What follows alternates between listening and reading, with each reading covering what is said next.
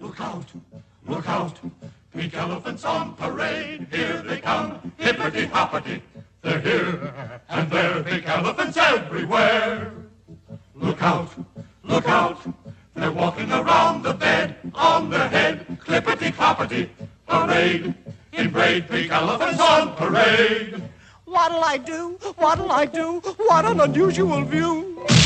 I can stand the sight of worms and look at microscopic germs, but Technicolor pachyderms is really too much for me. I am not the type to faint when things are odd or things are quaint, but seeing things you know that ain't can certainly give you an awful fright.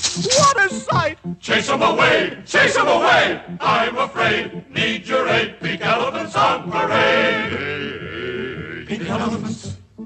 שלום, ברוכים הבאים לאלו חיים נפלאים, סדרה חדשה מבית עין הדג, אה, על אה, סרטי ביוגרפיה, ביופיקים כמו שהם נקראים, על אה, משלל תקופות בשלל צבעים, אה, של שלל במאים משלל ארצות. אני שמח שאתה אומר בשלל צבעים, כי זה הסרט השני ברצף בסדרה הזאת שהוא בשחור לבן.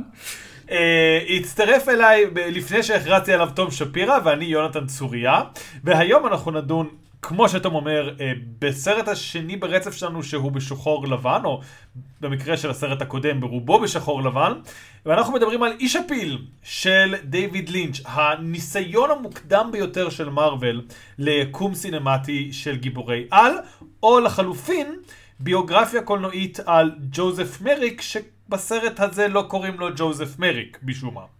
עד כמה הסרט הזה מדויק היסטורית? ובכן, אה, איש הפיל ההיסטורי נקרא ג'ון מריק, ובס- לא, להפך. נס- איש הפיל האמיתי נקרא ג'וזף מריק, ובסרט הזה קוראים לו ג'ון מריק. אני לא יודע למה. זה זה לא ש... את- אתה יודע, ב- ב- כש- כשעשו את העיבוד הקולנועי המודרני לאחרון המוהקנים, הם שינו את השם של הגיבור לנתניאל פו, ושאלו אותם למה, והם אמרו, ובכן, בספר קוראים לו נאטי במפו, וחשבנו, יהיה קשה לקהל לקחת אותו ברצינות, כאילו, כגיבור, אתה יודע, כגיבור פעולה רומנטי, עם שם כמו נאטי במפו. אה, וכזה, ג'וזף או ג'ון, כאילו, זה ההבדל? זה לא שקראו לו יחרמיאל או משהו כזה, אני לא יודע. אה, זה כן, זה סרט של אחד דיוויד לינץ', אה, וזה ב... למי שתוהה, זה בספקטרום היותר קומוניקטיבי של, אה, של דיוויד לינץ', זה כזה שתי מעלות מ Straight Story? שלוש? כן, זה, זה, זה בהחלט הסרט השני שהכי פחות צריך להזהיר לפניו שרואים, למרות שגם בו כל השעה וחצי הראשונות מאוד קוהרנטיות, ואתה גם תכלס מבין מה קורה בסוף, אבל הסוף מאוד מאוד עשוי מהחומרים שבגללם דיוויד לינץ' מוכר לקהל הרחב, שזה חלומות, דברים מוזרים ולא ברורים, כל מיני אה, אימג'ים מאוד מטרידים. האם יש, האם יש אנשים. נמוכים בסרט הזה? בטח בקרקס, לא, אני לא זוכר. יש, יש, יש במופע השני, אכן, אכן, לקראת הסוף. זהו, הם משחררים אותו. האנשים, יש את האנשים שהם משחררים אותו מה... ספוילרים, יהיו ספוילרים. אה, אבל אה, זה מבוסס על בן אדם אמיתי, אז אני לא יודע כמה זה כזה, אה, בסוף גילינו במציאות שאיש הפיל היה כל הזמן הזה איש הגמל. כלומר, זה, אנשים אמיתיים, אה, במקרה של איש אתה מדמיין את סקובי דו כאילו מנסים להוריד את המסכה ואומרים, אה, לא, סליחה, ברבריק, אנחנו ממש מצטערים, ואז הם כזה, הם, הם, הם כזה הולכים, אתה יודע, כזה החוצה, ויש כזה את הצלילים האלה של המאוד זולים של אה, האנה ברברה, שכזה טוינק, טוינק, טוינק של רגל אחר רגל, והוא כזה צועק אחריהם שעורך הדין שלו ימצא אותם.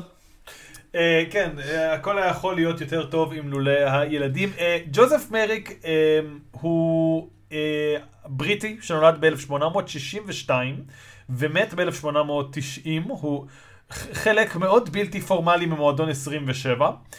אה, ובוא נדון קצת איך הוא בסרט באמת, ואז קצת נדון איפה הוא היה יותר במציאות.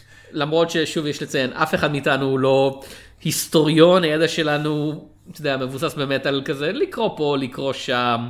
אה, אל תיקחו את זה בתור מחקר רציני, אנחנו פה לדבר על סרטי ביוגרפיה בתור הסרטים, לא בתור עד כמה זה קרוב לסיפור האמיתי. כן. אה, אז כאמור, סרט של אה, דיוויד לינץ', שני השחקנים הראשיים שלנו זה אנטוני הופקינס בתפקיד אה, פרדריק אה, טרווס, שהוא הדוקטור שמעביר את, אה, את מריק מופעי הפריקים כמו שקראו להם לחי... לחיים בבית החולים שבו הוא איש אה, כמעט עד מותו. וג'ון הרט באמת כמות עצומה של איפור ופרוסטטיקה בתור ג'ון מריק איש הפיל ועוד משחקים הנה גורדון, אנ בנקרופט, אה, ג'ון גילגוד. וזה מסוג הדברים שאתה מניח שזה חייב להיות השם האמיתי של בן אדם כי אף תסריטאי לא חושב על מילים כמו קר גום כאילו לדמות שהיא לא לא יודע מישהו שהולך להילחם בדוקטור סטרנג' עוד מעט. אמ, כן זה כן אה, הסרט כאמור מתחיל בשלב יחסית מאוחר אה, של החיים כאילו הוא, הוא מדלג על התקופה שלו כילד למרות שיש לנו פלשבקים יותר לאימא שלו מאשר אליו. אמ.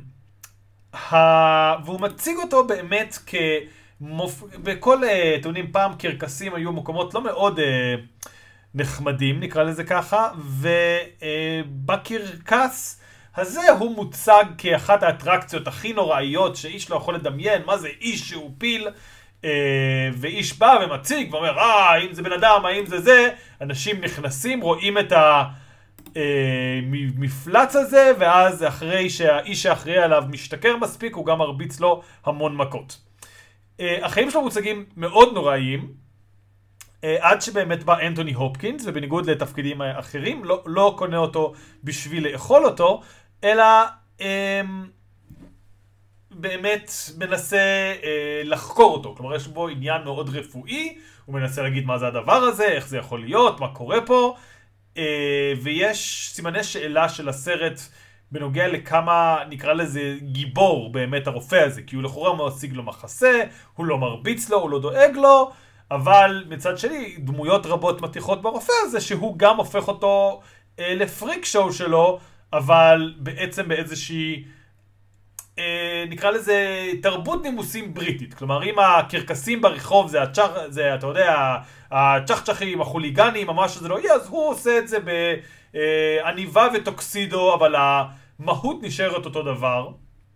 ולאט לאט באמת מתפתחת מערכת יחסים בין הדמות של הופקינס לדמות של מריק. אה, בין uh, טרווס למריק, ומריק uh, מתחיל לדבר, שזה דבר שהם לא חשבו שהוא מסוגל אליו בכלל, והוא באמת uh, מלביש אותו ודואג לו, ומתחילים להיות למריק חיי חברה, uh, ואז בסוף הוא מת. כאילו, אי, אי אפשר להגיד שקורה המון בסרט הזה מבחינת, כאילו, אתה יודע, זה לא מהסרטים האלה על כזה, כן, הוא היה גזען, ואז בסוף הביוגרפיה הזאת הוא יציל את כולם מאיידס. זה יותר כזה, היה לו חיים ממש נוראים.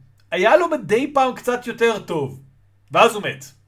אפשר להגיד שהשליש הראשון זה בעיקר אנטוני הופקינס עם, כשג'ון הרט כג'ון מריק הוא פחות או יותר ניצב שם, הוא מין כזה ישות שקטה, שטרווס, ובהתחלה אולי הקהל משוכנעים שהוא לא, אתה יודע, הוא לא סתם סובל מעיוותים פיזיים, הוא כזה, הם חושבים שהוא אה, סובל מפיגור שכלי קשה ושהוא לא מסוגל לתקשר ויש את הקטע שעשוי מאוד מאוד טוב, אני חושב לקראת הדקה 40 שבו מאיימים לסלק את אה, מרק מבית החולים כי הוא לא, הוא לא ישות בעלת מרפא, כאילו הם לא יכולים לרפא, כך הם טוענים את, ה, את הבעיות הפיזיות שלו ולכן אין לו מה לחפש שם. ו, והטיעון של טרווס זה לא לא לא אנחנו יכולים ללמד אותו אתה יודע הוא, הוא לא הוא לא סתם מישהו פגום נפשית אתה יודע הוא בן אדם. אה, זה הוא בן אדם אלגנטי, והוא מנסה ללמד את מריק להגיד שלום, שמי ג'ון או משהו כזה, ואז תפילה, ומריק לא ממש מסוגל להגיד את המילים, אבל ברגע שהוא יוצא מהחדר, מריק שהוא עכשיו קצת חופשי מהסתכלות, מתחיל באמת לדקלם תפילה שהוא הכיר אה, מ... אה, מה כן, זה היה? מתהילים? מתהילים כלשהו. אה, זה יותר מזה, אתה אמרת הוא ניצב, הוא אפילו לא רואים אותו. אני חושב שעוברת, כאילו... קצת, אתה יודע, דף מספרי מפלצות אחרים, זה לא רואים אותו עד ממש, לדעתי, 20 דקות, חצי שעה. הוא תמיד, אתה יודע, אנשים רק נרתעים מהמראה שלו, וזה מאוד מאוד עוזר לאווירת האימה, שאתה לא רואה לרוב בביופיקים. בטח לא ביופיקים דרמטיים, כלומר, אתה יודע, יש את הכזה, אה, אנחנו עושים סרט על uh, רוצחים סדרתיים, אבל לכאורה כולם פה אנשים מסודרים ומיושבים בנפשם. אה, ובדיין הבימוי של לינץ', החותם שלו גורם לכל הסרט להיות קצת אפל ומטריד, וחלק מזה זה באמת זה שהוא מתייחס לג'ון מריק, אה, די כאילו, לא כמפלצת, כי הוא בן אדם מפלצתי, אלא, אתה יודע, הוא מחביא אותו מהקהל, כמו שהחביאו את הכריש בבלטאות, וד- ודברים כאלה. אה, וזה, אה, אני חייב לציין, זה משהו שכמה וכמה מבקרים באותו זמן, היום כשהסרט הוא די נמצא בקנון אפשר להגיד, לא יודע עד כמה שסרטים כאלה יכולים להיות בקנון, אמרו, במיוחד רוג'ר איברט, שלטעמו זה היה בחירה לא טובה באופן מוסרי של הסרט הוא אומר שם אותך בנעליים של הצופ... של. אתה יודע, האנשים שהולכים למופע הפריקים, בזה שהוא הופך את עצם ה... אתה יודע, הוא מושך את הציפייה שלנו לכזה, הוא, איך הוא נראה מאחורי המסכה הזאתי, הוא לא באמת מתמודד איתה, הוא אומר, הוא הופך אותה לספקטיקל, הוא הופך אותנו, הצופים. בלי ממש ברירה, כן, אתה יושב בקולנוע, אתה, אתה בעולם הקולנוע, כן, אתה לא, אתה לא הולך לצאת אחרי שילמת על כרטיס, הופך אותנו לחלק מזה. והוא הופך, בכך הוא טוען, עוד, עוד פעם איברט, אני לא בטוח עד כמה אני מסכים, את מריק לנוכח נפקד בחייו, מישהו שהקיום העיקרי שלו בסרט הוא מבחוץ, של כזה, אוי, איזה אמיץ הוא שהוא מצליח להתמודד עם ה... עם ה... אתה יודע, עם המצב שבו הוא נולד, ומה שאיברט כותב, זה...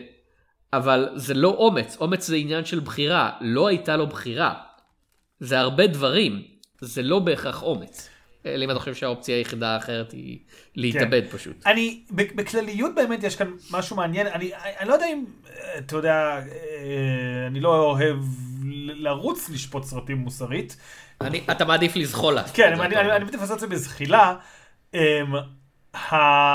יש משהו מעניין בסרט הזה שבאמת הוא סרט על בן אדם בלי לתת לו אה, לדבר, ואני חושב שמה שאיברט אולי מפספס זה שעדיין הנוכחות שלו היא עצומה. כלומר, אני מסיים את הסרט הזה ואני לא יכול להגיד בשום צורה, זה סרט על אה, פרדריק טרווס. פרדריק, אתה יודע, אין לו אה, סאגה יותר מדי מעניינת. אני לא יכול להגיד שהוא עובר יותר מדי. הוא מתחיל בן אדם בסך הכל טוב, הוא מסיים בן אדם בסך הכל טוב. המפגש עם ג'וזף, עם ג'ון מריק הקולנועי, משאיר עליו בעיקר חותם, כאילו, אתה יודע, זה קצת כזה... אה, וואו, אני, אני לא מאמין שבאמת אה, עזרתי לך וניסיתי כמה שיותר ואני מקווה שעשיתי כמה שאני יכול. אה, כאילו מעין איזה ווייט, אה, איזה מושיע, אבל הוא לא, בניגוד לשינדלר מהסרט הקודם שדיברנו עליו, הוא לא מתחיל, אתה יודע, זה לא סרט שהיה יכול להיות, אנחנו, אתה יודע, הוליווד אה, אין שום דבר שהיא לא יכולה לעשות, על ה... אה, באמת על ה... אתה יודע, הבחור ששם אותו בקרקס, והוא מצליף בו, והוא שיכור, והוא מתעלל בו, ואז לאט לאט הוא לומד להכיר בו, והוא משתנה ונהיה אדם יותר טוב. זה משהו שאגב גם קיים בסרט, אבל הוא מאוד מאוד שולי. כלומר, אה, הוא לא באמת על מה הסרט. אז אמנם אה, פרדריק טרווס הוא במבין מסוים מי שנמצא בפנים הסרט ומוביל הרבה מהלכים, ועדיין בסופו של דבר הסרט הוא על איש הפיל, הוא על הג'ון מריק הזה, שהוא לא ג'וזף מריק, אבל הוא, יש לו הרבה דברים דומים. כן, בוא נדבר קצת על ההופעה של ג'ון הרט. אה, זה, וזו שאלה במקרים כאלה של האם התרשמת מההופעה שלו כשחקן, או מהאיפור. או מהעבודה הפיזית שעשו עליו, כאילו. תראה, אמ, אני באמת חושב שזה מקרה ש... אי אפשר להבדיל. שאי אפשר להבדיל, אמ, ואין לי מושג. כלומר, באמת אין לי מושג. אני לא יודע אם אה, שחקן אחר היה עושה תפקיד יותר טוב, היה עושה תפקיד פחות טוב. אני יודע ככה. אמ, זה לא תפקיד שזה רק, וואו, תראו את האיפור הזה, הלכנו הביתה. הציטוט המו, המוכר שלו, I am not an elephant, I'm not an animal, I am a human being, I am a man, הוא עבודת משחק מרשימה. Uh, זה נוגע ללב, זה כאילו מישהו עושה את זה, ואתה יודע איך שמריק, שבאמת מתחיל ולעיני הצופה הוא לכאורה אינווליד, ובפועל הוא מישהו שהוא משותק חברתית, כי הוא לא רגיל שנחמדים אליו, הוא לא רגיל שבאמת הוא יכול לבטוח באנשים, כל כך חי בעולם של רוע, והוא לומד רק להכיר, אתה יודע, איזשהו נימוס והערכה כלפיו, בסיסיים, אז אתה לא יכול לבוא ולהגיד זה רק האיפור, האיפור לא עשה את כל זה. את השתיקות שלו, את הפחד שהוא מציג, את ה... זה, זה ג'ון הרט. האם אנטוני הופקינס בהיפוך תפקידים גם היה יכול לעשות את זה? אני לא יודע. זה משהו שקשה לענות עליו לדעתי באמת. אני, אני חושב שלי זה נראה מרשים פשוט בגלל הבחירה הקולית שלו, כי אני חושב על ג'ון הרט, על מישהו עם אחד הקולות יותר, אתה יודע, לא, לא יודע אם אפשר להגיד את זה נעימים לשמיעה, אבל יש לו קול מאוד, אתה יודע, כזה עמוק, אתה יודע, באופן טבעי, ו- ומאוד כזה, אתה, אתה רוצה להקשיב לאיש הזה מספר סיפורים. הוא היה storyteller בסדרה של אה, ג'ים הנסון, לא? אני חושב שכן.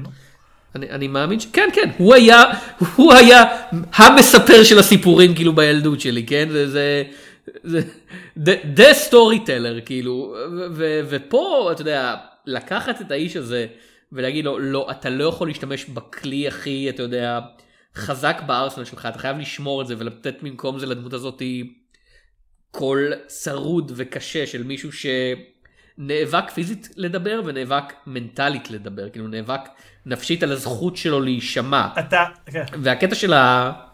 הקטע של הנאום שלו בסוף, כמו ש... הנאום, זה, זה ארבע משפטים. ארבע, כן. אתה יודע, זה, זה שמונה מילים סך הכל, כן? אה, שהוא עדיין אומר את זה בטון הזה, באותו קול, כאילו, הוא לא פתאום נהיה עמוק. ואם אם כבר הזכרתי את אה, לינקולן, כן. אה, לפני ההקלטה, דיברנו על זה קצת, אני מאמין. י- גם שם, הבחירה הקולית שדניאל דה לואיס עשה, שהרבה אנשים, אתה יודע, היו כזה, רגע, למה הוא עושה את זה?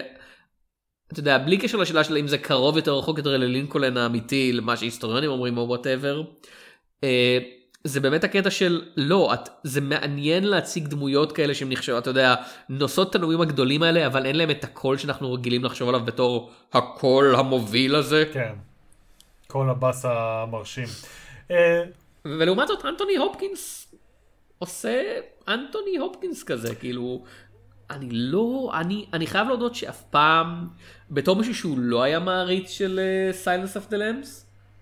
אף פעם לא כזה נפלתי מאנטוני הופקינס ואני לא חושב שהוא שחקן רע או משהו כזה אם כי הוא בהחלט כאילו אתה יודע עשה עשה מבחר של בחירות שהם כזה אתם תשלמו לי תודה רבה אני אהיה שם אבל לא יודע אף פעם לא חשבתי עליו בתור אחד השחקנים הגאוניים האלה אני לא יודע. אה, אני מאוד אוהב את אנטוני הופקינס, יותר אגב, באמת, אה, לאו דווקא בגלל אה, חניבל לקטר, ובאמת אני חושב שיש לו הופעות, יש לו איזה רצף, אה, אתה יודע, סרטי אייב- אה, מרצ'רי אייבורי כאלה, מרצ'נט אייבורי, מצטער. אה, הוא גילם את סי.אייס לואיס, הוא גילם אה, באחוזת האווארד, ובאמת תפקידים שבהם הוא...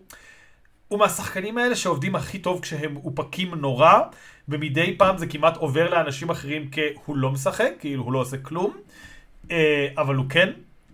ונגיד, אה, אני מאוד אוהב אותו אה, באפיפיורים. אה, שמה הוא באמת עושה תפקיד מעצבן באיזשהו מקום, והוא עושה אותו מאוד מאוד במקום של אמפתיה לדמות שכאילו, למי אכפת מהאפיפיור, הוא, הוא, כאילו, כולם שונאים אותו. כאילו, יש, יש, אתה יודע, כמה מאות מיליוני אנשים ברחבי העולם? מיליארד ויותר? מי הם? אני לא מכיר אותם. לא. אבל, כן, אבל, אבל גם הם, כאילו, אתה יודע, הוא עשה, הוא מציג אותו עדיין באור, אתה יודע, הוא מציג את הדמות הלא כיפית, כאילו, באפיפיורים, אם אני רגע זולג, יש את הדמות הכיפית, היא מכירה את הביטלס, היא רוקדת, היא רוצה לעשות רפורמות בכנסייה, ויש את הבחור השמרן, שאתה יודע, הרעיון של אולפני תפוח מצחיק אותו, והוא כל כך, כאילו, אתה יודע, אפשר לעשות אותו כל כך קריקטורה, ואנטוני הופקינס באמת, לדעתי, הופך אותו לבן אדם שאתה כמעט יכול לבוא ולהגיד, כאילו, לבן אדם אמיתי, ליותר מרק אה, התדמית הקשוחה שלו אה, בכלליות. וכאן זה לא אחת ההופעות הגדולות שלו, אני צריך להגיד, הוא, הוא לא עשה משהו באיש הפיל שאני יכול להגיד, וואו, איזה הופעה. כי זה תפקיד מאוד משעמם כזה, זה, אתה צריך להיות הרופא הטוב, אתה צריך כשאומרים לך, אה, אתה גם עושה את אותו דבר, אתה גם זה להגיד, אוי, לא, אתה צריך קצת לצעוק על אנשים שמתייחסים אליו לא יפה. אבל אין כאן, אתה יודע, התסריט של דיוויד לינץ', נכון, זה דיוויד לינץ'? לא, כן, גם, זה גם דיוויד לינץ', אבל זה עוד חבר'ה, הוא, הוא לא נתן איזה חומרים גדולים מדי. כלומר, לינץ' בבירור, זה מה שאני אומר, הוא לא התעניין בטרווס כדמות, הוא התעניין בו יותר כ... פר... אתה יודע, איזשהו אה, דמות לקהל שהם יוכלו ל- לעכל את איש הפיל ולה, ולהזדהות איתה, אבל לא קורה לה משהו מעניין. כלומר, אני לא, אני לא יכול להצביע על מהלך או על שורה או על משהו שקורה שם. זה, זה מעין תפקיד לוק סקייווקרי כזה, אוקיי? כאילו, אתה צריך לעבור את הדברים בשביל שהאן סולו יעשה את החלקים היותר מעניינים, ואובי וואן קנובי את הדברים היותר רגשיים, ואתה צריך להיות המרכז של כל זה. אה, והוא עושה אותו היטב, אבל הוא לא... כאילו, אבל זה- הרבה שחקנים אחרים היו יכולים לעשות את זה. זה סרט מוזר בכמה שכמו שאמרת יש מעט מאוד שקורה שם ואני לא מתכוון מעט מאוד בקטע אתה יודע הקלישאתי של כזה סרט אומנות אתה יודע של כזה יש שוט ש... של ש... 30 דקות על אתה יודע דמעה אחת נופלת לא כאילו זה סרט שזז כמו סרט דרמטי זה פשוט שמבחינת מה שאשכרה קורה שם מה שאתה רואה על המסך זה כזה. הוא נמצא במופע פריקים ואז טרווס בא וזה לא כזה מבצע חילוץ זה כזה אני אשלם לך בשבילו. אוקיי. אה, ואז הבחור מנסה לקחת אותו בחזרה וטרווס כזה לא אתה לא יכול אותו בחזרה. אוקיי ואז הוא חוטף אותו בכל זאת ואז יש את החילוץ הכי אנטי דרמטי שבעולם שפשוט משאירים אותו בכלוב ואנשים האחרים בקרקס אה, הפריקים באים ומשחררים אותו והוא עולה על ספינה והוא חוזר הביתה הוא רואה הופעה אחרונה בחייו בתיאטרון והוא מת. אה, כאילו, מבחינת מה שקורה כאן, וגם מבחינת, אתה יודע, עד... ג'ון מריק לא מתקדם. אה, אנשים מתקדמים מבחינה עלילתית, הוא תמיד היה אותו בן אדם, זה פשוט שאנשים אחרים מבינים, אתה יודע, לומדים אני- מה הוא היה. זה, זה טרווס אז לומד, אתה יודע מה, אני- ומאדר זד לומדת, ו- וקורגום לומד. אז אני לא בטוח שאני מסכים איתך באמת. אני חושב אוקיי. שג'ון מריק, ואולי גם זה מה שמשך קצת את לינץ', הוא איזשהו ביטוי בשביל לינץ', וזה גם למה הוא קצת, אתה יודע, שינה את מה שקרה לו, לא יודע, יכול להיות שהתבסס באנשים אחרים שעשו את זה, אבל הסיבה קצת שאני חושב שיש את ההזדהות הזאת עם איש הפיל בסרט הזה, זה כי אנחנו לא הוגנו, אתה יודע, אף אחד מאיתנו הוא לא מפלצת שנמכרה לקרקס ואנשים לועגים אליה, אבל הרבה אנשים יכולים להזדהות עם החוסר ביטחון שיש לג'ון מריק באחר בהתחלה. כלומר, זה סרט באיזשהו מקום על ילד שכל החיים שלו בריונים הרביצו לו ולעגו לו, והוא, אתה יודע, אה, עובר מסגרת, או יוצא מבית ספר, ולראשונה הוא פוגש אנשים נחמדים וסבירים. כלומר, הוא, הוא רואה שבמסגרת אחרת, אנשים יכולים לגלות אותו באמת, והוא יכול לגלות את עצמו. כלומר, זה לא, אתה יודע, מעבר לעובדה שהיה לו בעיות דיבור והיה צריך לדבר דיבור, הטעמים התרבותיים שלו, הרעיונות שלו, הם לא תמיד היו שם. זה הסביבה ש... שתמכה בו וגילתה אותו ביחד, אבל שיכלה לפתח אותו. וכאילו, בסופו של דבר זה סרט על האיש הזה. שאתה יודע, שהוא כל כך חריג, והוא מנסה להיות כמו כולם, והוא רוצה להרגיש כמו כולם, וזה מתבטא במה שהסרט רומז, זה מעין התאבדות של כאילו, הדבר האחרון ש... שהוא באמת יכול לעשות כמו כולם, זה להרגיש את החוויה של לישון במיטה על הראש, וזה החלום שלו, שזה כאילו מה שמביע, אתה יודע, את האחדות שלו עם שאר האנשים, אה, וככה הוא מת, כאילו, אה, בפעולה אחת שכאילו סוף סוף הוא עשה הכל כמו כולם. כמו שאמרת, אני לא חושב שאנחנו בהכרח מסכימים על זה, ואני לא חושב שזה סרט רע. אה, שוב, אני, אני, מסוגל, אני, אני חושב על עצמי בתור לא מעריץ של דיוויד לינץ', אבל לא ראיתי מספיק לינץ' כדי, אני חושב, להגדיר את עצמי ככזה, זה, ובגלל שלא ראיתי מספיק, אבל מהמעט שראיתי לא כזה התלהבתי, אני כזה, טוב, אז אני לא הולך לטרוח שוב, אז אני חייתי מספיק זמן כדי לראות את המטוטלת זזה, כי כשאני הייתי נער, היה הבון טון להגיד אוי דיוויד לינץ' כאילו והשטויות שלו אתה יודע הוא סתם עם פנים ועכשיו הוא שוב באופנה דיוויד לינץ' וזה כזה לא לא לא לא אתה יודע אנשים הכריזו על טווין פיקס The Return בתור הסרט הכי טוב של המאה ה-21 אפילו שזו סדרת טלוויזיה ואמרו זה לא משנה אה, זה היה כל כך טוב שזה נהיה סרט מעצם זה שזה טוב. אז את... אה, אז ראיתי בעצם את כל מה שהוא עשה שאנשים מכירים, כי הוא עשה הרבה דברים, הוא עשה סרטונים קצרים מוזרים, סדרות שאף אחד לא מכיר שהוא עשה, כל מיני שטויות כאלה. אה, קראת את הקומיקס לא, שלו? זהו, קומיקסים, ספרים, כל מיני דברים מוזרים שהוא עשה. אני ראיתי את כל הסרטים שלו, זה אני יכול להתחייב.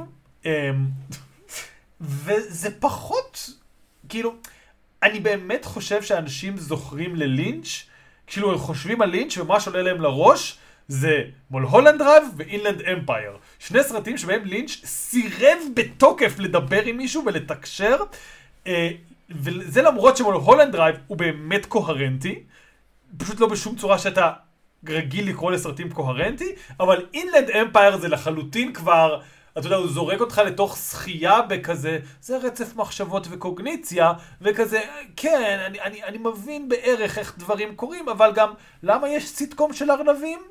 אה, כאילו, והוא לחלוטין, כמו שאתה אומר, נהיה איזשהו אה, הלך רוח שאני רוצה להגיד שנהיה פופולרי בגלל סרטונים ביוטיוב. אה, כי... אוקיי. כי, כי החוש האסתטי של לינץ' מאוד, אני לא יודע אם במודע או שלא, אבל הוא קיים בסרטוני קומדיה, פרודיות, אבסורדים, נונסנס, איך שלא נקרא להם, ביוטיוב. הקפיצות החדות בין שני דברים, אתה יודע, כאילו, האחים שלי, אתה יודע, יש להם את כל הסרטים האלה, אני לא זוכר איך קוראים להם, על הבחור שהאנימציה שלו זה I like trains, וכזה, אה, מה קורה? אין שום היגיון. כאילו ניצה ולחם, אוקיי? שזה אה, רועי כפרי וניב מג'אר. אה, הסרטונים שלהם הם סרטוני הקומדיה בין הכי מוצלחים אה, בעשור. והם בעצם מאוד לינצ'יאנים באיזשהו מקום. כלומר, יש להם אחד שהוא מילולית עוסק בחלומות, כמו שלינץ' מאוד אוהב, ואין בו שום היגיון. אה, כן, אבל כלב אנדולוסי הוא 15 דקות, אז אני יכול פשוט לראות את זה.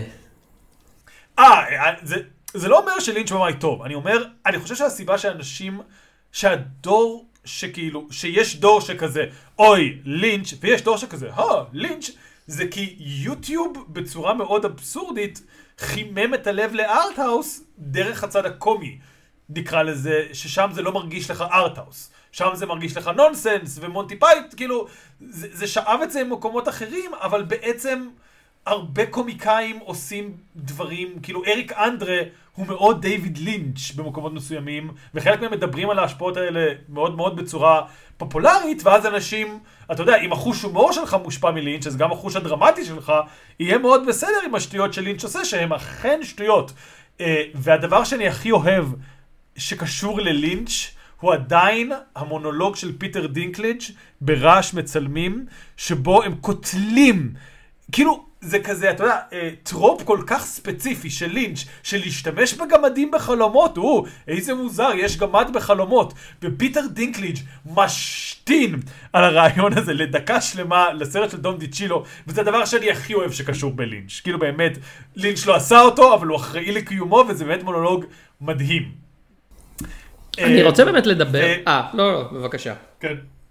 אה, אז אה, כן, ופה כמו שאתה אומר זה אחד הסרטים היותר תקשורתיים. כאילו הסרט הכי, אה, אתה יודע, הוא כל כך תקשורתי שזה כבר מוזר, זה לכאורה אה, סיפור פשוט. לצערנו לא עיבוד לעגנון, אלא סתם איש נוסע בטרקטור. אה, מכסחת דשא, מצטער. אה, השני זה כנראה העיבוד שלו לחולית, שכאילו אף אחד לא באמת מחשיב כסרט שלו, כי זה כזה יותר מדי אולפני ונורמלי. והשלישי זה זה. ופה באמת הכי אפשר לראות, כאילו, למה עדיין, כאילו, יש שאריות מראש מחק לפני רגע, הבחירה בשחור לבן האסתטית, חלק מהאימג'ים, ובעתיד העניין עם החלומות ושלום. אבל כאילו, יש מעט מאוד, זה ב- כמו שאמרת, חלומות זה בתחילת כן. הסרט, כאילו, ובס- וממש בסוף. ו- כן, ואתה יודע, מופע הפריקים הוא לא, הוא לא איזה משהו, ב- בשליש האחרון, כאילו, כן. כשהם באירופה, זה לא איזה משהו סימבולי, זה כזה, לא, זה פשוט מופע, זה פיזית כאילו למה שלקחו אותו אליו, כאילו זה לא, הם לא מייצ... כאילו, הם מייצגים, אני מניח, אתה יודע, ברמה המטאפורית אתה יכול להגיד, אבל בסרט הם מייצגים מופע של פריקים שהוא נחטף אליו. אין, אה, אין, אין, אין מעבר לזה.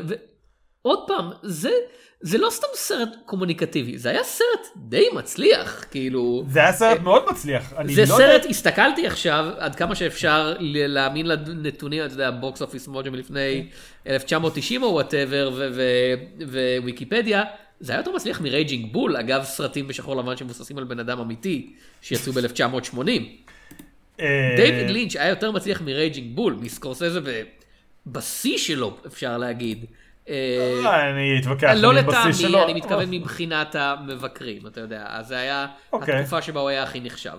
אה, עוד פעם, וזה מסוג הדברים של לא ממש ברור לי, אנשים, אתה יודע, ממציאים נתונים, יש טענה בוויקיפדיה שזה היה הסרט השני הכי מצליח ביפן באותה שנה. כאילו, אחרי The Empire Strikes Back, כי הוא שחרר, הוא שחרר שם קצת מאוחר יותר, אבל אז לטענת בוקס אופיס מוג'ו, אם אתה מאמין להם זה כזה, איש הפיל הרוויח 26 מיליון דולר, מתוכם 25.8 בארצות הברית, אז בחו"ל הוא הרוויח 200 אלף, אני לא, אתה יודע, אי אפשר כן. להאמין לזה, אבל זה היה סרט מצליח, אני- ושוב, אני- אתה רואה את זה ואתה מבין למה, כי זה פשוט, זה דרמה היסטורית נוגעת ללב. אם זה לא היה בשחור לבן, ואם היית מוריד את הסוף ואת ההתחלה, כאילו את ה... אני מתכוון, דקה בסוף, דקה מההתחלה, פחות או יותר, זה היה סרט לגמרי מקובל, כאילו, לא, אף אחד, אף, היית, אם היית אומר לי שביים אותו, אני לא יודע, מי ביים את הסמוראי האחרון? אה, צביק, אדוארד צביק. אם היית אומר לי, זה סרט של אדוארד צביק, הייתי אומר לך, אוקיי, כן, כאילו, זה קצת, אדוארד צביק בדרך כלל יותר גרוע ופח, ו, ויותר קצבי, אבל כאילו, אני יכול להאמין לך, זה בהחלט בתוך המנער שלו. אמ, אני, אני אגיד לך אה, משהו יותר אה, חד משמעי, אתה כאילו, אתה זה, זה הסרט הכי מצליח של לינץ' מבחינת האקדמיה.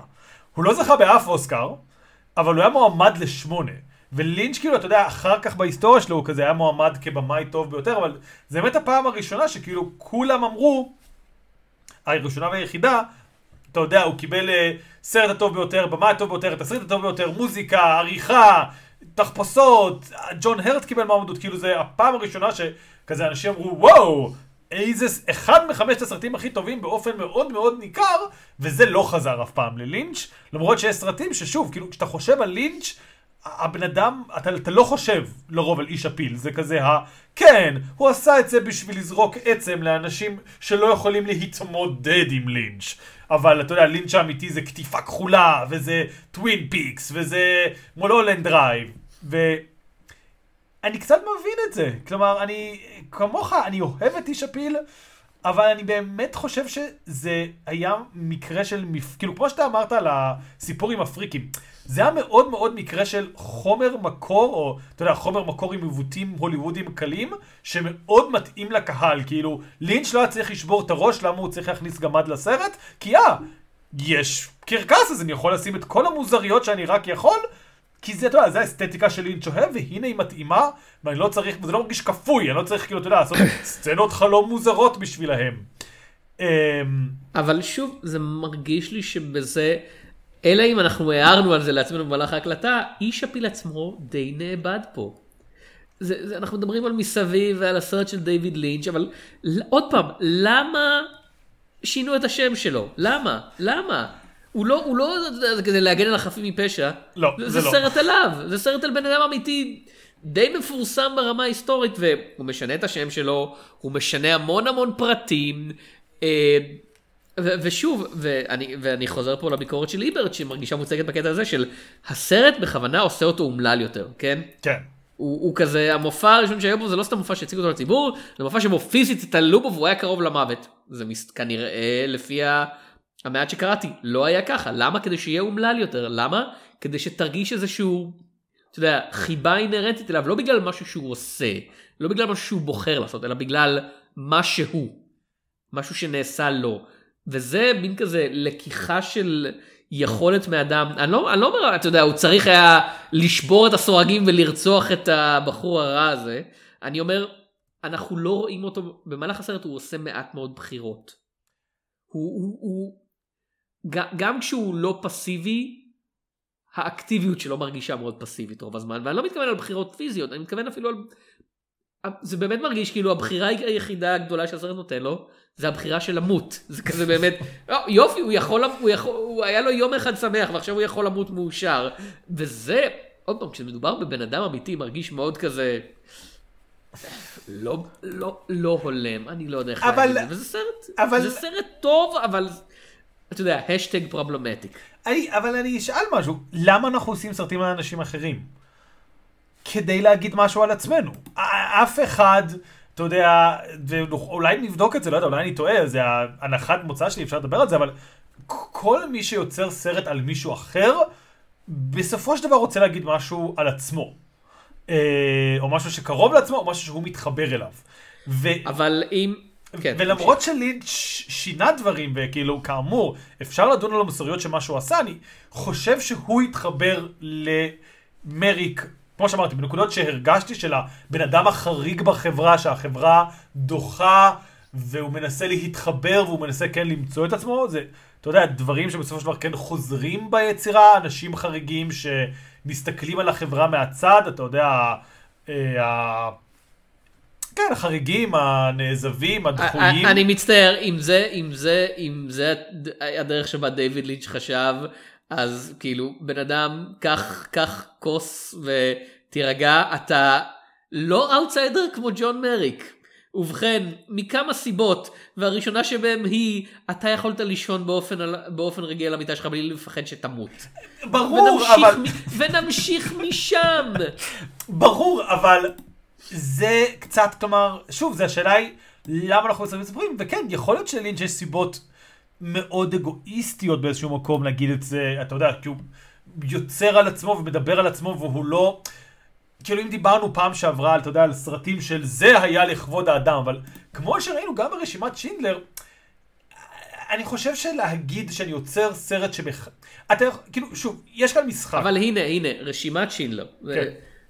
מה שמנסים, אתה יודע, מנסים להגיד משהו באמצעות אדם שהיה קיים. ומה שספילברג אומר שם, באופן מאוד מאוד ברור, אתה יודע, לא זה, גם בתקופה הכי גרועה, גם כשהכי הכי קל לך, אתה יודע, להזיז, אתה יודע, להזיז את המועד, כי באמת הכל כל כך נורא, שמה בן אדם אחד יכול לעשות, זאת אומרת, בן אדם אחד עדיין יכול לבחור, ולבחירות שלו יכולה להיות משמעות. אתה יכול להגיד, זה, זה מסקנה נוראית לקחת מהשואה, אה, כי, כי יש, אתה יודע, הרבה סיפורים שבהם מישהו אחד עשה בחירה, אתה יודע, להסתיר שכן יהודי, ואז הגסטאפו נכנס אליו הביתה והסוף היה ששניהם מתו, וזה לא, הבחירה שלו רק הרגה אותו, היא לא באמת הצילה אף אחד.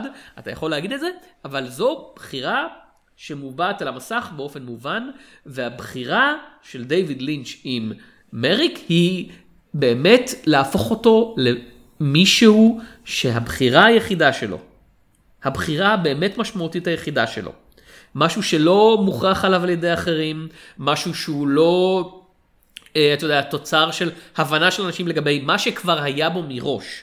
של כזה, הם מזהים אותו, הבחירה היחידה שלו זה הבחירה שלו בסוף, למות, לבחור את דרך המוות של עצמו. לא לתת למחלה להרוג אותו, אלא להתאבד. אבל אני, אני, תראה, אני, אני מבין את, את הדרך הזאת לשפוט סרט, אבל אני כן חושב שיש מקום ל... כאילו מעבר לכל מה שאמרתי, גם איש הפיל באיזשהו מקום זה סרט של לינץ', כמו שאמרת, זה סרט על החברה. כלומר, מה של לינץ' באמת מאוד משתמש, ואפשר להגיד, ויכול להיות שזה, שלינץ' היה צריך לתת יותר כבוד אה, אליו, לאיש הפיל אה, כאדם, אבל לינץ' כן, אני חושב, אומר דברים על החברה, אומר דברים שהוא לא היה יכול להגיד דווקא בכל סיפור אחר. כלומר, יש כאן, כאמור, זה גם הסיפור של החריג, אבל זה גם הסיפור של איך החברה מתמודדת עם החריג. ולינץ' מאוד, אתה יודע, פסימי נקרא לזה, אה, מוציא רגעים של אופטימיות גם, אבל הוא מאוד, אתה יודע, שופט לחומרה את האנשים שהפכו אותו ללעג, והם לא באמת יותר טובים, וכאילו האנשים הכי מכוערים בסרט בסופו של דבר, הפרצופים של לינץ' הכי גורמים לראות כמו בסרט אימה, זה, ה, אה, אתה יודע, הסצנה שמביאים אנשים לחדר שלו, והם נראים כמו מפלצות לחלוטין. כלומר... ואם כבר מדברים על זה, זה כזה עוד משהו שמרגיש קצת לא בסדר בסרט. בני המעמדות הנמוכים בסרט הם כולם כאחד, אתה יודע, מפלצות, כאילו אתה אומר, זה כזה, זה שוב, זה, זה אנשים בבר, ואנשים שבאים לראות אותו במופע, ואנשים במופע השני, זה כזה, האנשים העשירים, אתה יודע, הם, הם מסתכלים עליו, וטרוורס אומר זה לא בסדר, אבל הם לא מטרידים אותו, הם לא מצולמים בצורה הזאת, והם יכולים ללמוד להעריך אותו, כמו שטרוורס לומד, כמו שקאר גם לומד, אבל אם לעומת זאת אתה עני את איש הפיל, או... או אז אתה, אתה יודע, אתה החלאה, אתה המפלצת הגרועה מכולם. וזה מרגיש לי מאוד, אתה יודע, קלאסיסיסט. כן, כאילו. אה, כן, זה, זה אני לא יכול להגן על הסרט. יש, כמו כל סרט בריטי, זה מאוד מאוד, כאילו, אתה אומר סרט בריטי... הוא לא במאי בריטי אפילו. נכון. הוא פשוט אימץ את זה. אבל כל הסיפורים הבריטיים כמעט הם מאוד מאוד סרטים על מעמדות, ואלה אם הם סרט שבמודע אומרים כזה, אנשים במעמד הנמוך הם גם אנשים, זה לא הולך לקרות. אמ, וזה אין לי איך, כאילו כן, זה, זה סרט שהמעמד הנמוך בו, כמו שאומרים, מוצג מאוד מאוד שפל, ולא רק אה, אה, אני- חסר אה, אמצעים. אנחנו מתקרבים לסוף, יש משהו שאני חייב להזכיר כל פעם שאנחנו מדברים על איש הפיל. כן. אה, זה אנחנו, כאילו כל פעם שאני מדבר על איש הפיל לאורך זמן, יש עובדה אחת שאני חושב שחשוב להזכיר. אה, אני לא יודע אם אתה יודע את זה, אני מניח שכן. אחד מהמפיקים של הסרט הזה הוא אחד, אה, מל ברוקס. מל ברוקס. כן. ח- חברת ההפקה, הוא לא רשום כמפיק. חברת ההפקה... זה העניין. כן. הוא היה מפיק, הוא אמר, אני לא רוצה שירשמו אותי כמפיק, אני לא רוצה להופיע בכתוביות לפני הסרט, כי אני פוחד שאנשים יראו את זה ויחשבו, אה, זה קומדיה מטומטמת, אני רוצה, אני רוצה לתת לסרט, לסרט הזה את הכבוד שלו, כן? כן. אני, אני לא, אני, הוא סירב לקרדיט. אפילו שהוא היה מעורב בסרט הזה די מקרוב לפי כמה טענות, פשוט כי הוא לא רצה להטעות את הקהל, ויותר מכך, כש, כשהחברה, כש... MGM אני מאמין? כן. אה, כשאתה יודע, מנהלים בחברה רצו לערוך החוצה את החלום האלה שאני אמרתי, אתה יודע, אם תוריד אותם זה יהיה סרט הרבה יותר נורמטיבי. אה, אתה יודע, הם שלחו כזה הערות ותיקונים, התשובה של מל ברוקס הייתה, שלחנו לכם את הצילומים האלה, כי אתם מעורבים איתנו בעסקה, זה היה רק כדי לעדכן אתכם על מצב העסקה הזאתי, אל תטעו בכך לחשוב שאנחנו רוצים הערות אומנותיות מעדה של פרימיטיבים. לא, אני לא זוכר את ה... כזה, לא, זוכ... back up bitch. לא זכרתי את העדה של פרימיטיבים, אבל כן. את... משהו כזה, raging primitives אני מאמין היה, היה הטרמינולוגיה שלו, מין כזה, back up bitches, it's mine, כזה, זה, אני, אני, אני מטפל בזה, אוקיי? ואני, אתה יודע מה מוזר בסיפור הזה באמת? ש... זה באמת הישג באיזשהו מקום של הפקה, של מפיק שכל כך, אתה יודע, לוקח במאי שהוא מאוד מוזר, מאוד לא ברור, והוא מרים אותו והוא תומך בו נגד אולפנים אחרים. אגב, נראה לי שזה פרמאונט ולא MGM, אבל לא משנה, whatever. אבל אז רוב הסרטים אחר כך של החברה הזאת, זה פשוט קומדיות של מל ברוקס, וכאילו, יש שם קומדיות של מל ברוקס עם פסיק נוסף לזבוב של דיוויד קרוננברג. היה, היה לו אנשי איפור כאילו מאוד מאוד טובים שעבדו שם, והוא כזה, טוב, צריך לתת להם עבודה על משהו, אני מניח. אמ, ואני חושב שבאיזשהו מקום, כאילו, זה לא שמל ברוקס, אתה יודע, אנחנו, אנחנו יכולים להצטער על הקריירה שלו, הוא העתיק לנו כל כך לא, כן, הרבה. מה, מה מל ברוקס כבר נתן לנו, כאילו? אבל יש איזשהו, אתה יודע, יקום אלטרנטיבי שמשנות ה-80 הוא, אתה יודע, מרים את הדייוויד קרוננברגים והדייוויד לינצ'ים ותומך בהם כלכלית, ואתה יודע, אומר כזה, אה, יש עוד אנשים שעושים קומדיה, מי צריך ש... אה, לראות את דרקולה dead and living it, ואתה יודע, וזה עולם שאני רוצה לראות מה קרה בו. כי באמת זה מופת של הפקה, כלומר, שאתה יודע, של חזון שהוא כל כך בטוח בעצמו. אה, לבמאי, אתה יודע, זה לא כמו סקורסזה, כמו שאתה אומר, אמרת סקורסזה בשיא הכוח שלו, כבר ביים אה, את נהג מונית, הוא ביים סרטים זוכה אוסקר, הוא מוכר. דיוויד לינץ' זה הסרט השני שלו. הוא ביים את איש מחק, סרט אימה בקושי תקשורתי, מאוד מלחיץ, על הפחד מהורות, שאנשים שמולדים מפלצת ואבא מתחרפן, ומל ברוקס היה כזה, מה, אתה רוצה לעשות דרמה היסטורית? לך על זה, אני... בש... בשחור לבן, עם איפור סופר יקר, אוקיי. זהו. כאילו, האיפ... האיפור הזה בטח היה חצי מהתקציב, כאילו. אמ, כן, ו... זה אה, שיאמר לזכות אתה יודע, שחור, אני בעד שחור לבן בסרטים, כאילו אם זה בחירה אומנותית מודעת, בין אם זה ממחסור תקציב. אני לא חושב שסרט בשחור לבן בימינו נראה, אתה יודע, משהו, משהו כזה אומנותי ופרטנצ'ס, זה כזה, אם אתה רוצה לעשות סרט בשחור לבן, תעשה סרט בשחור לבן. אה, הגרמני הטוב של סודרברג היה בשחור לבן, כן. זה היה תעלומת נוער סבירה לגמרי, אתה יודע, אין לי שום בעיה עם זה. אה, אז, אז מה ש... עוד דבר שחור לבן עוזר לעשות טוב, אני חושב שזה עוזר לסרט שאתה יודע, אם היית רואה את ה... אתה יודע, אני מניח את הפרוטזות האלה בצבע, הם בטח היו בטכנולוגיה של אז, במה שהיה להם אז, נראה יותר בעייתי, אבל השחור לבן עוזר להחליק את זה, זה כזה, טוב, להכל יש אותו צבע. עכשיו." אני לא בטוח, איפור של שנות ה-80 היה מאוד טוב, ראה הזבוב עוד לא, שש כן. שנים, ראה את כן, אה, כן. איש זאב אמריקאי בלונדון רק שנה אחר כך, כאילו, אני יכול להגיד הרבה כן, דברים, אבל ריי ווינסטון לא עשה את הסרט הזה. אני מניח, אתה יודע, לא הסתכלתי, יכול להיות שסטן ווינסטון עשה את זה, כאילו? מי, מי, מי, מי עשה את ה... את עבודת האיפור. כן, עבודת, כאילו, אפשר לקרוא לזה איפור בכלל, זה ממש ברמה של כבר, אתה יודע, פרוטזות ומסכה, כאילו. אני חושב שגם פרוטזות ומסכה נחשבים איפור מבחינת כן. מי שאחראי עליהם. אה, אה, כריסטופר טאקר.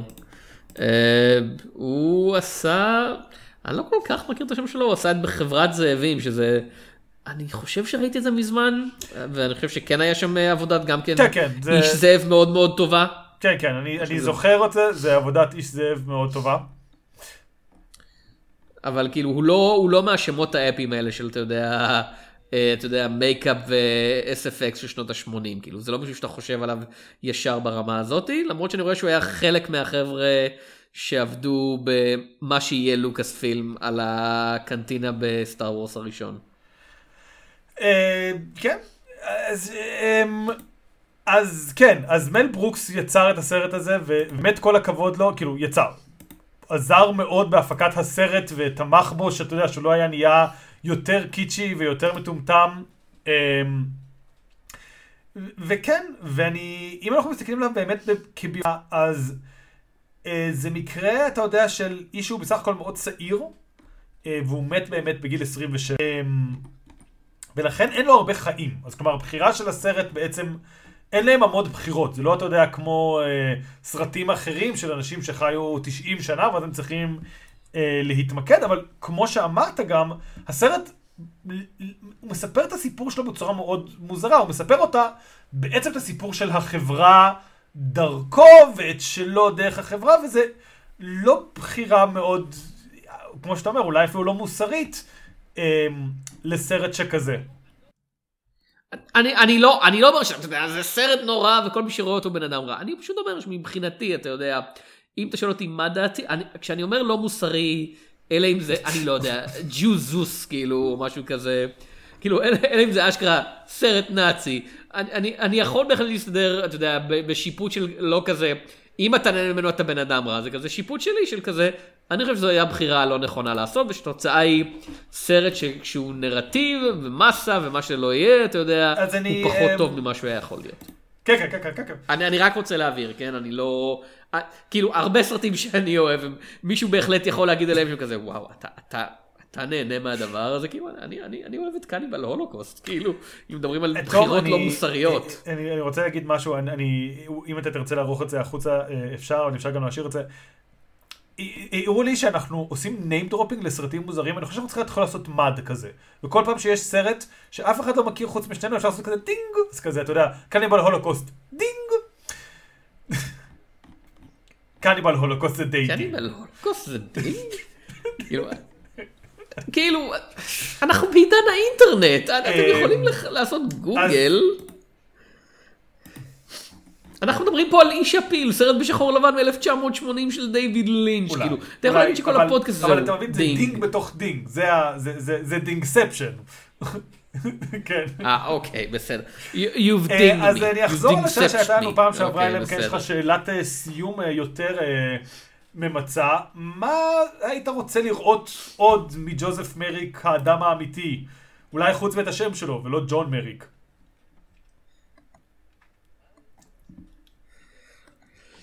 מה הייתי רוצה? אני באמת לא בטוח, כי אני לא מחוסר היכרות מלאה עם החיים שלו, והעובדה שהסיפור שלו באמת מרגיש כמו משהו שקרה לו יותר מאשר משהו שהוא עשה, אני לא באמת בטוח איך אתה הופך את זה להסיפור שלו. אה, משהו שהזכרנו לפני ההקלטה, אם מותר ללכת לכיוון משעשע יותר, ואתה מוזמן לעשות מזה עוד ding. אה, מריק הופיע בסרט אחר שדיברנו עליו בעין הדג מציגים, לא במין סדרה הזאתי, אלא בבלי גלימות הראשון אני מאמין. הזכ... דיברנו על From Hell, סרט אה, באמת כאילו שמגיע לו להישכח בדפי ההיסטוריה. אתם יכולים לזרוק אותו לגיהנום אם אתם רוצים. הוא מופיע שם באמת blink and you miss it, כאילו, אנשים עשו הרבה הרבה עבודת איפור בשב... בסרט ההוא בשביל באמת הופעה של אני חושב 30 שניות. אה, אז אתם מוזמנים להרחיב את זה, אולי הוא יכול להצטרף למשטרה הבריטית באותה תקופה ולנסות למצוא את ג'ק המרטש, אולי הוא יכול להילחם בג'ק המרטש, אני לא יודע. אה, כן, זהו, ג'ון מריק אה, בלש פרטי. אני מאמין שיש סדרת קומיקס בשם ג'ון מריק בלש פרטי, אז אה, אתם מוזמנים לעשות, לעשות את זה כאילו לסרט עכשיו. כאילו, אני מבין את הבחירה של לינץ' לבוא ולהגיד, או, החיים שלו הם אה, הפריק בקרקס, אבל ג'ון מריק היה בבית ספר. והוא היה בעבודה אחר כך. כלומר, לג'ון מריק הנער היו חיים שכמו שאתה אומר, יש בזה משהו שמעניין אותי לראות כאילו את הרגע של החיים שלו של ילד עם הדברים האלה אה, מנסה להתמודד עם כל מה שקורה אה, באמת, עם, אה, עם הקיום הזה, כאילו... הוא היה בן 13, הוא היה בבית ספר, אה, אתה יודע, זה, כאילו, יש לנו סרט אחד שקוראים לו פלא, לא באמת צריך עוד אחד, אבל אני כן חושב שזה... כאילו, זה היה לפני פלא, אם הוא היה עושה את זה, אנשים אומרים על פלא שהוא, אתה יודע, ריפ אוף של כן, איש הפיל. אז אני באמת חושב ש... כאילו, להראות קצת מהילדות שלו, למרות שזה מהלך מאוד קלישאתי, היה, לא יודע, יותר מעניין. כלומר, הוא מאוד תלוש מהזמן איכשהו בסרט של לינץ'. הוא מאוד, אתה יודע, בקושי מתבגר, אי אפשר להבין באיזה גיל הוא, אי אפשר להבין מה קורה לו, אה, ואי אפשר להבין כמה זמן עובר בסרט, אה, אבל הוא היה נער, וכאילו זה... מה, לא יודע, אולי אני, אה, אתה יודע, אולי זה באמת איזשהו יצר כמו של לינץ' אומר, אבל מעניין אותי לדעת מה היו החיים שלו כנער. באמת, בן כמה היה וויליאם הרט כשהסרט הזה יצא? אה, ג'ון הרט, למה אני אומר וויליאם הרט? ג'ון הרט.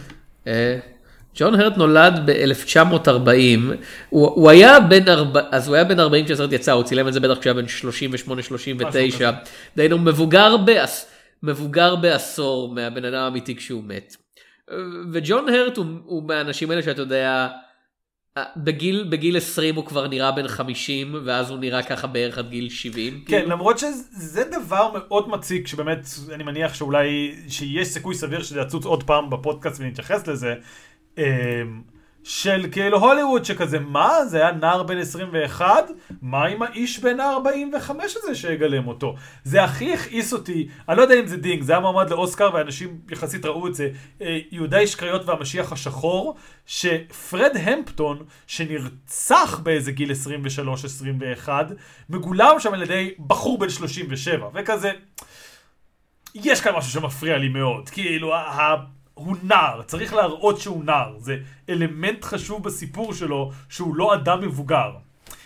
אה, כאילו, אתה יכול לראות את זה במיוחד בסרטים שמבוססים על מלחמת העולם השנייה, על סיפורים אמיתיים, כל מיני bridge to far וכאלה, שבמלחמת העולם השנייה רוב הקצינים האמריקאים הזוטרים היו אנשים צעירים יחסית, היו, אתה יודע, זה כזה, המלחמה התחילה, צריך לגייס מהר, זה כזה, אתה בן 21, אתה... אתה סגן, אתה בן 22, ברכותיי, אתה רב סרט, ובסרט זה כזה לי מרווין, אתה יודע, בן 40 ומשהו, בן 50 ומשהו, משחק מישהו שהרגע, אתה יודע, סיים אה, בית ספר לקצונה או משהו כזה. כן. אה, אז אה, כן, אז סיכמנו, איש הפיל בתור נער פותר תעלומות ונלחם בג'ק המרדש. כן, נראה לי שסיכמנו. ואולי יש לו, אולי יש לו סקייטבורד וחולצה שכתוב עליה How you kids doing כאילו. זה לא סיכמנו, זה אתה הוספת. אמ, אז אה, תודה רבה לכם שהאזנתם, אה, ותודה לך תום. ואנחנו נתראה בפרק הבא ובסרטים, ואם ניפגש ברחוב אז נתראה אז כאילו, שלום, היי, מה שלומכם?